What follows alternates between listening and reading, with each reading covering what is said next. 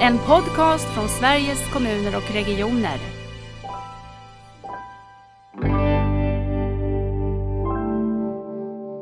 Bra grund både att leda i komplexitet, att det handlar om en tjänstelogik, men inte minst, det måste vara individen i centrum och vi måste samskapa.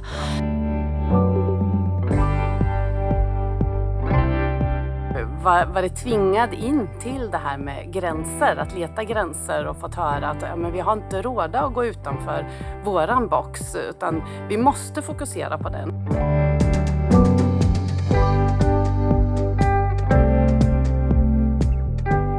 I det här poddavsnittet så får vi bekanta oss med olika strategiska verktyg som hjälper oss att förstå och föra arbetet med nära vård framåt. Och det är jätteroligt att få välkomna Maria Malmberg som finns på Region Östergötland och är socionom. Men också Åsa Karlsson som är medicinskt ansvarig sjuksköterska i Söderköping. Och eh, dessutom så har vi också med oss Sara Modig och du är designstrateg på Usify. Välkomna hit! Tack! Ha, hur känns det att vara på Vitalis? Jätteroligt att få eh, vara en del av den här mässan för första gången för mig fysiskt faktiskt. Så att det känns väldigt kul att få vara här och med nära vårdögon och ta del av massa e-hälsa. Ja, precis. Och ni kommer ju ha ett eh, seminarium idag på, på, eh, på Vitalis och berätta om lite grann av det vi ska prata om på, i podden nu. Men eh, berätta vilka ni är, Maria. Börja, vem är du? Ja, men jag är ju precis som du sa en socionom som har jobbat väldigt många år inom kommunal verksamhet men bytte 2017 till Region Östergötland. Så jag gick över till den andra huvudmannen. Eh, men jobbar med nära vård, både internt inom regionen och ihop med länets 13 kommuner där jag då är parhäst med Åsa. Mm. Åsa, berätta. Mm. Ja, men, eh, jag har ju mitt hjärta och, och min kunskap och, och, min bakgrund inom äldrevården så kompar ju ganska bra då med Maria som har mer de yngre eh, så, i samhället.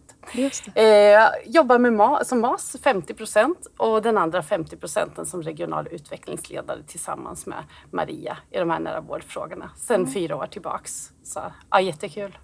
Sitter ni tillsammans? Alltså, finns ni fysiskt på samma plats eller hur? Hur alltså, jobbar ni mentalt, ihop? om vi ska snacka ja. nära så sitter ja. vi väldigt nära. Vi hänger med varandra nästan hela dagarna sådär, av och till fastän digitalt. Så att eh, okay. vi är ganska långt fysiskt ifrån varandra men ändå väldigt nära. Just det. Sara, vem är du då? Ja, designstrateg sa ju du och det betyder att jag jobbar med tjänstedesign eh, inom bland annat strategi, strategiutveckling och eh, vi har ju haft glädjen att jobba med Region Östergötland inom ett antal olika områden som kopplar till nära vård. Bland annat då den här målbilden för nära vård som vi tog fram tillsammans 2020. Eh, också frågor kring egenmonitorering och och eh, sen har vi också gjort olika jams som eh, andra kollegor kommer att berätta om här på Vitalis där vi låter vårdens personal möta patienter i intervjuer, utveckla idéer ifrån den input som de får från det och eh, så småningom så blir också patienterna en slags ska säga, draknäste som utvärderar de här intervjuerna. Återigen det här med patienten i centrum och, och dialogen som jag tycker är en viktig del av nära vårdkonceptet. Ja, verkligen. Hör du designstrateg, hur blir man det? Ja du, det blir man eh, på krokiga vägar kan man säga. Jag är inte designerutbildad utbildad, eh, men jag har en bakgrund inom innovationsfrågor på eh, Näringsdepartementet bland annat, Vinnova tidigare och sen har jag jobbat som konsult ett antal år och då jobbat mer och mer med frågor inom vården och just hjälpa olika aktörer att samverka runt gemensamma frågor. Och det kan röra som sagt var eh, egen monitorering som jag nämnde. Mm. Eh, hur man samverkar kring e-hälsoprocesser. Det är ju eh, processer där många olika aktörer behöver samverka, inte minst då användaren, patienten, brukaren. Och att få de här olika perspektiven att mötas, det har blivit en praktik som jag har utvecklat med åren. Och sen som sagt var, eh, jag är inte utbildad eh, designer, men jag har tillämpat mig en praktik och det skulle jag vilja våga påstå att det har Åsa och Maria också gjort. Mm. Inspirerats och lärt och tillämpar idag. Och sen i bolaget Jusify där jag är anställd så har jag många kollegor som kan det här och tillsammans så jobbar vi med bland annat en nära vård. För det tycker jag att, att det blir så himla mycket, så tydligt i nära vårdarbetet att vi helt plötsligt på något sätt blir vakna över att det är tjänster vi jobbar med. Och vi har haft så mycket fokus på, på produktion och lite, lite fabrikslogik egentligen. Och nu håller vi på att vända till en tjänstelogik. Mm. Eh, och det ställer mycket på ända. Det ställer eh, uppföljningsfrågorna på ända, det ställer våra synsätt på ända. Ja, det ställer allt på ända. Hur tänker ni Maria och Åsa kring det? Känner ni igen er? Alltså, jag tänker ju verkligen över orsaken till att jag lockas så mycket av det här med nära vård. Det är ju att jag har under alla mina 20 år dryga som sjuksköterska och som chef och som MAS nu eh, varit tvingad in till det här med gränser, att leta gränser och fått höra att ja, men vi har inte råd att gå utanför våran box Nej. utan vi måste fokusera på den. Och om man går utanför det så kostar det pengar, det kostar kvalitet, eh, alltså så får vi inte jobba. Vi måste hålla oss till våran box. Och så plötsligt så säger man med nära vård att det är tvärtom. Det funkar precis tvärtom. Det, det, sparar pengar, det sparar resurser, det ökar kvaliteten att gå utanför eh, den egna ramen, den egna gränsen. Så att, eh, ja, det frigör mycket kraft, tänker jag. Jag bara känner när du pratar att du får ju energi av det här. Ja, oh ja det är ju, plötsligt får man jobba så som man vill. Man förstår ju att det här ger bra arbetsmiljö i slutändan också. Ja. Att det bara finns att vinna på det. Det här landar ju så häftigt i en. Det är så här, jag tror att alla vill jobba och jag tror att det är ett sätt att verkligen behålla personal utöver att det ökar kvaliteten och, ja. och kostar resurser. Så. Jag delar helt din uppfattning. Hur tänker du Maria med det här från fabrik till tjänst? Ja men alltså det är ju en omställning i sig. Så, eller det är ju hela nära vårdomställningen och där var det ju först, det, ett av de första uppdragen vi hade var ju just att eh, ta fram den här visuella målbilden som vi ska prata mer om på seminariet också.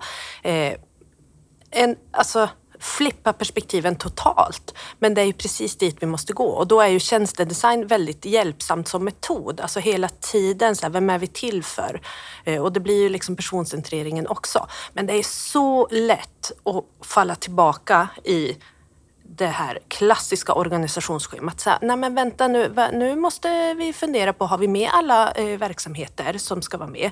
Så här, ja, eh, ska vi verkligen tänka så? Mm. Är det det viktiga? Så mm. vi hamnar ju i organisationsscheman hela tiden mm. och gränsdragningar. Eh, vi, har, vi har tränat på det ganska många år. Också. Vi har ju det. Så nu behöver vi träna på att bara säga, men vad behöver Åsa eller vad behöver Sara? Vad skapar värde? Vill ni säga något mer kring er, er relation i förhållande till nära vård innan vi går in på hur ni har jobbat i Östergötland? Är det någonting som det här vill jag berätta om min relation till nära vård? men jag tänker jag kan fylla på det Åsa säger att hon eh, eh, har fått leta gränser så har ju jag en relation till ett när jag verkligen tycker att det funkade och det var när jag jobbade på ungdomshälsan för då var vi det var personal från både kommun och region, olika professioner. Eh, lättillgängligt, det var enkelt för ungdomarna att ta kontakt och vi utgick verkligen som ett äkta team. Vad är dina behov? Och sen fundera, så här, okay, vem kan bäst möta upp dem? Inte så här, nej men jaha, nu är det de här behoven. Mm, det. Mm, eller det är ditt ansvar. Så, utan vi hjälptes åt, men verkligen med ungdomarna i centrum och nätverket runt ungdomen. Mm. Så att det var väldigt häftigt att få vara en del av det. Jag tänker att du säger något viktigt där, för att vi behöver ju också fånga upp det som idag fungerar, som vi vill att det ska fungera i nära vård. Allt är ju inte att kasta ut med badvattnet eller vad man brukar säga. Och då tycker jag, precis du säger, ungdomshälsan, barnhälsovården i många avseenden som jobbar så proaktivt med hela familjer, möter upp tidigt.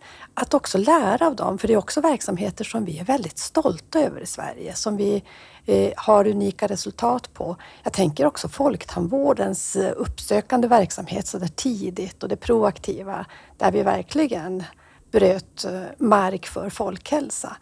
Så det finns saker som vi behöver bevara och lära oss mer av verkligen.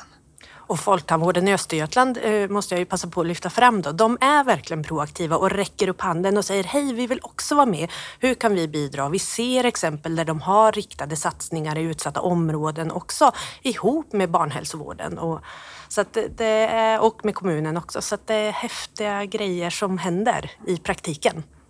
Vi ska inte prata om kommunikation, men jag tänker mycket på att vi måste vara så bra på att hjälpa till att översätta. Så när ni gör det här, när ni jobbar på det här sättet på ungdomshälsan, då bidrar ni ju till den nära vården och det paradigm vi vill ha framåt.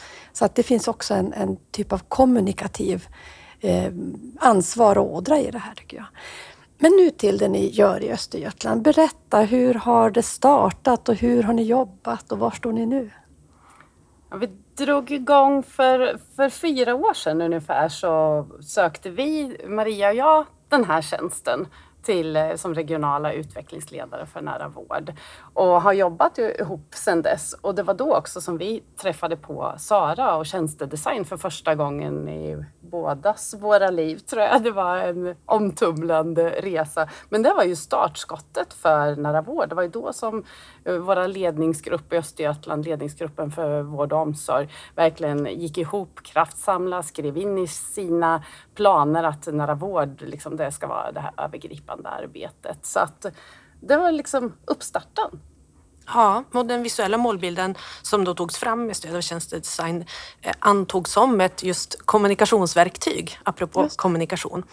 Eh, och så har vi använt den och verkligen varit ute och kommunicerat högt och lågt, förankrat nära vård. Vad är det? Varför ska vi göra det? Men sen också egentligen mest tryckt på riktningen. Det här är målet, för det här mm. är ju komplext. Så att det är det vi vet. Eh, då behöver vi peka ut en tydlig riktning från ledningen, men sen får verksamheterna själva på alla nivåer fundera på okay, hur kan vi bidra? Vad blir våran pusselbit? Och hur kan vi vara i den gyllene zonen? Så. Just det. Och mellanrummet. Och det visar att vi kom in och stöttade er på, då tycker jag är väldigt talande för hur vi kan tänka kring man arbetar med utveckling i sådana här komplexa processer. För, för nära vård är ju minst sagt ett komplext system. Och eh, den visuella målbilden som var beställningen handlade ju om att hitta eh, metaforer och analogier som vi kunde använda för de här väldigt komplexa och utmanande och ibland gyttriga eh, punkterna, akupunkturpunkterna i systemet. Och eh, det gjorde vi. Vi tog fram ett underlag som eh, handlade om att försöka få då en gemensam syn mellan eh, regionens eh, aktörer, mellan er i kommunerna och i ett samtal. Du, du sa att vi ska inte prata så mycket om kommunikation, men jag skulle hävda att kommunikation i den här typen av processer är A och kanske inte O, men åtminstone M eller någonting i den stilen.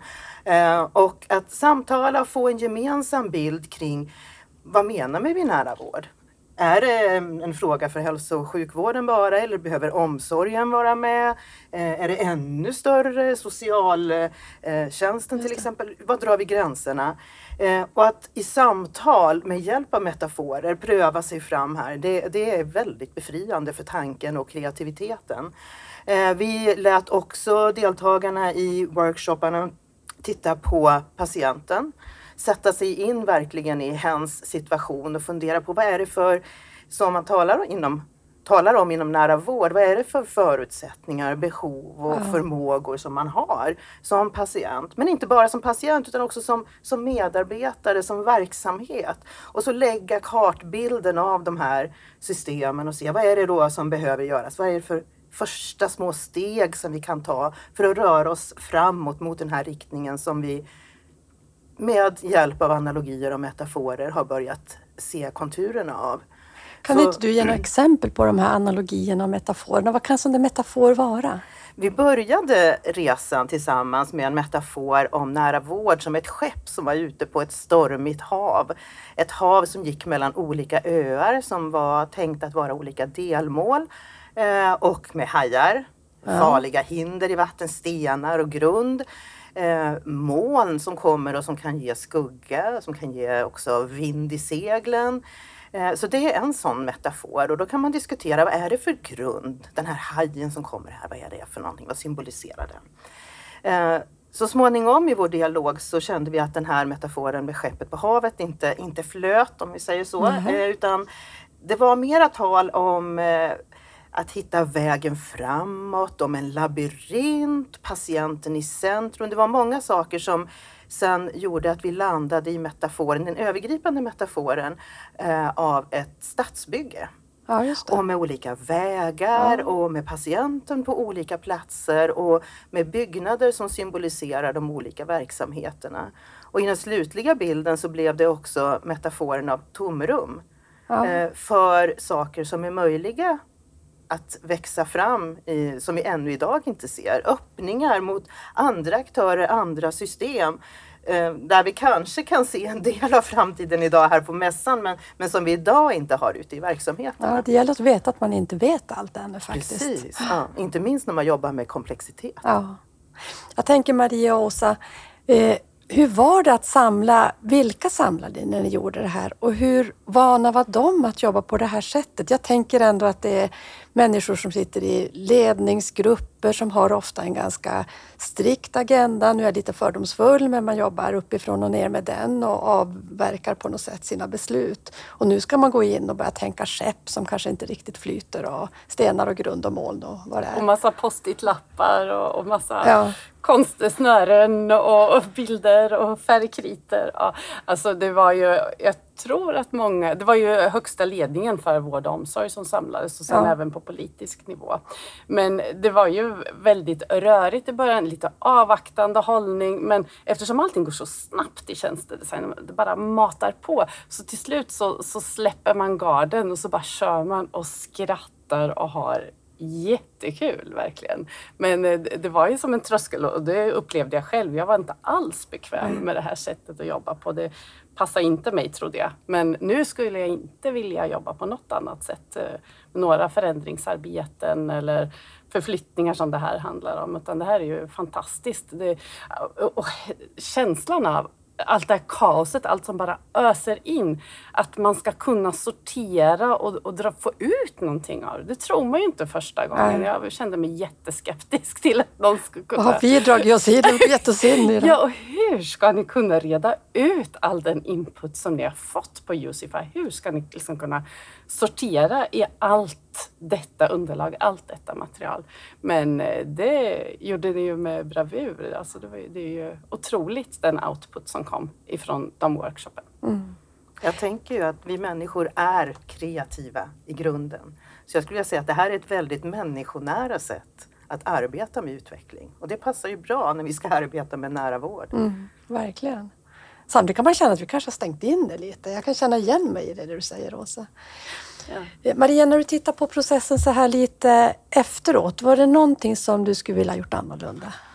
Ja, det finns ju en grej eh, som vi kanske inte kunde rå på eh, eftersom vi startade ju precis vid årsskiftet 1920. Men planen var ju att vi, 2020. 2020 mm, att vi skulle ha haft eh, workshops med brukarrepresentanter och patientföreträdare och så också. Det. Men så kom ju coviden. Så det bidde inget av det. Och det kan vi ju känna så här i efterhand att det hade varit bra för nu processade vi ändå. Vi hade de- den här stora workshopen. Vi hann med en politikerworkshop. Men sen så fick vi ju pausa allting. Eh, Och så fick vi jobba vidare i en lite mindre konstellation. Eh, Och det gjorde vi och verkligen många varv i rondellen innan vi landade i en färdig som vi tyckte då eh, som man kunde anta som kommunikationsverktyg. Och därefter träffade vi vårt brukarråd för nära vård som vi har i Östergötland med, eh, från brukarorganisationer, representanter och presenterade den färdiga målbilden. Ja, hur tog det, togs det emot? Jo, men bra, men de hade ju såklart massa kloka tankar och input och synpunkter. Ja. Eh, Så att hade vi haft med dem från början eh, så hade vi ju träffat rätt mycket fortare. Men fick ni om saker då eller hur, gjorde, hur hanterade ni det? Ja, vi, ja, men vi justerade en hel del efter deras input och då kändes det också som eh, alltså att det blev bättre. Det landar ju bättre när man känner att man har gjort det Ja. tillsammans. Mm. För det jag kan tänka det är också att när det sen börjar skava, när vi kommer tillbaka till våra gränser och så, då är det så starkt om vi verkligen kan känna, ja men det här har ju våra invånare, våra brukare också sagt är viktigt, för det är ju det som förenar oss över gränserna. Så det tänker jag också är en viktig motor i, för det kommer ju att vara skav och det kommer ju att vara svårt också på resan framåt. Eh, men något som är häftigt i Östergötland är ju att det är väldigt, väldigt många som har gått SKRs ledarskapsprogram nära vård. Så att alltså det, vi är flera hundra, ja, alltså chefer och ledare och verksamhetsutvecklare och så, intresserade. Eh, så då ger ju det en väldigt bra grund, både att leda i komplexitet, att det handlar om en tjänstelogik, men inte minst, det måste vara individen i centrum och vi måste samskapa. Ja. Så det där känns ändå så att vi har en bra platta för det och det finns förankrat. Men vi får hela tiden påminna oss. Såklart. Mm. Ja, vi har ju känt att om, man, om vi hade haft brukarna, hade gjort den workshopen också och liksom haft det på riktigt på ett annat sätt så tror vi att det också hade färgat arbetet framåt. Att det hade blivit en mer naturlig del att ha med brukarna i alla... Nu får man liksom plocka in det lite från sidan. Hade vi haft det från, från startpunkten så hade det blivit, då hade inte ens det varit någonting att fråga. Ja, men ska vi ha med brukare på den här Nej. träffen? Utan då hade det varit självklart som en uppföljning av det som initierades då för fyra år sedan. Så att, ja, det, en egen erfarenhet jag har från regionledningen, jag satt i den i, i Norrbotten, då, vi gjorde ju inte det systematiskt, men, ja, systematiskt men inte varje gång. Vi bjöd in eh, patienter och brukare till regionledningsmötena. Med, ofta med en berättelse om hur ofta var det sånt som inte fungerar bra och som handlar väldigt mycket om gränser. Och att det var lite obekvämt första gången. Men det som händer i en sån grupp när man får diskutera det som verkligen är verkligt och om vi skapar värde eller inte. Det går egentligen inte att ersätta med något annat för det bygger ju också ledningsgruppen och förståelsen för det här. Och göra det tillsammans, kommun och regioners ledning, det tror jag är eh, otroligt. Sara, vad är din erfarenhet? För ni jobbar väl väldigt mycket med användaren eller den som ska ha tjänsten? Absolut. Och det, det där är så viktigt det du beskriver, det där mötet. Därför vad gör det? Det skapar det jag kallar för en förkroppsligad upplevelse. Alltså, när jag sitter där och så får jag lyssna på den här berättelsen och skavet. Jag ser hur personens ansiktsuttryck förändras. Det skapar någonting i mig. Det är de här spegelneuronerna som skapar empatin. Och allt för ofta så har jag sett och varit med tyvärr och levererat också på det sättet tjänstedesign användas som liksom, ja, men det, det är en liten separat projektgrupp som tar fram, eh, gör en behovsanalys och sen så i de här mötena under behovsanalysen, i intervjuerna, så uppstår den här upplevelsen. Och i projektgruppen så kan man vara så otroligt besjälad av den här energin och av behoven som man har identifierat. Och sen så ska man paketera det för beslutsfattarna och då blir det en powerpoint eller det blir ett. PM. Och allt det mänskliga är borta. Precis. Ehm, så där skulle jag ju verkligen vilja förorda mer av det som du beskriver. Att låta beslutsfattarna få komma ut i verkligheten ja. och möta de som vården, värdet, så. verkligen är till för. Eh, och kan man inte göra det så får man försöka hitta andra sätt att faktiskt sätta ansikten på det här. I, i workshopen med politiker och högsta tjänstepersoner så hade vi till exempel den fiktiva personen Anna, 82, med ganska detaljerade beskrivningar av hennes situation. Så vi skapade en, en fiktiv person ja. och så fick de tillsammans resonera, inte utifrån strukturer och, och begränsningar utan utifrån Annas perspektiv ja, och sätta sig in i hennes situation. Och då börjar folk, personer relatera till människor de har i sin omgivning, ja. kanske till sig själva. För de flesta av oss är ju faktiskt också någon gång patienter Absolut. eller brukare. Mm. Eller närstående. Eller, eller närstående. Mm. Så att det handlar om att väcka den här förkroppsligade empatin skulle jag vilja säga. Det är A och O i tjänstedesign. På, på tal om kommunikation, för jag lärde mig en gång att fakta leder till slutsats, känsla leder till handling. Ja. Och det tänker jag, när du säger det här att förkroppsliga någonting på något sätt i berättandet, i mötet. Det gör ju också att man vill handla, att man vill göra.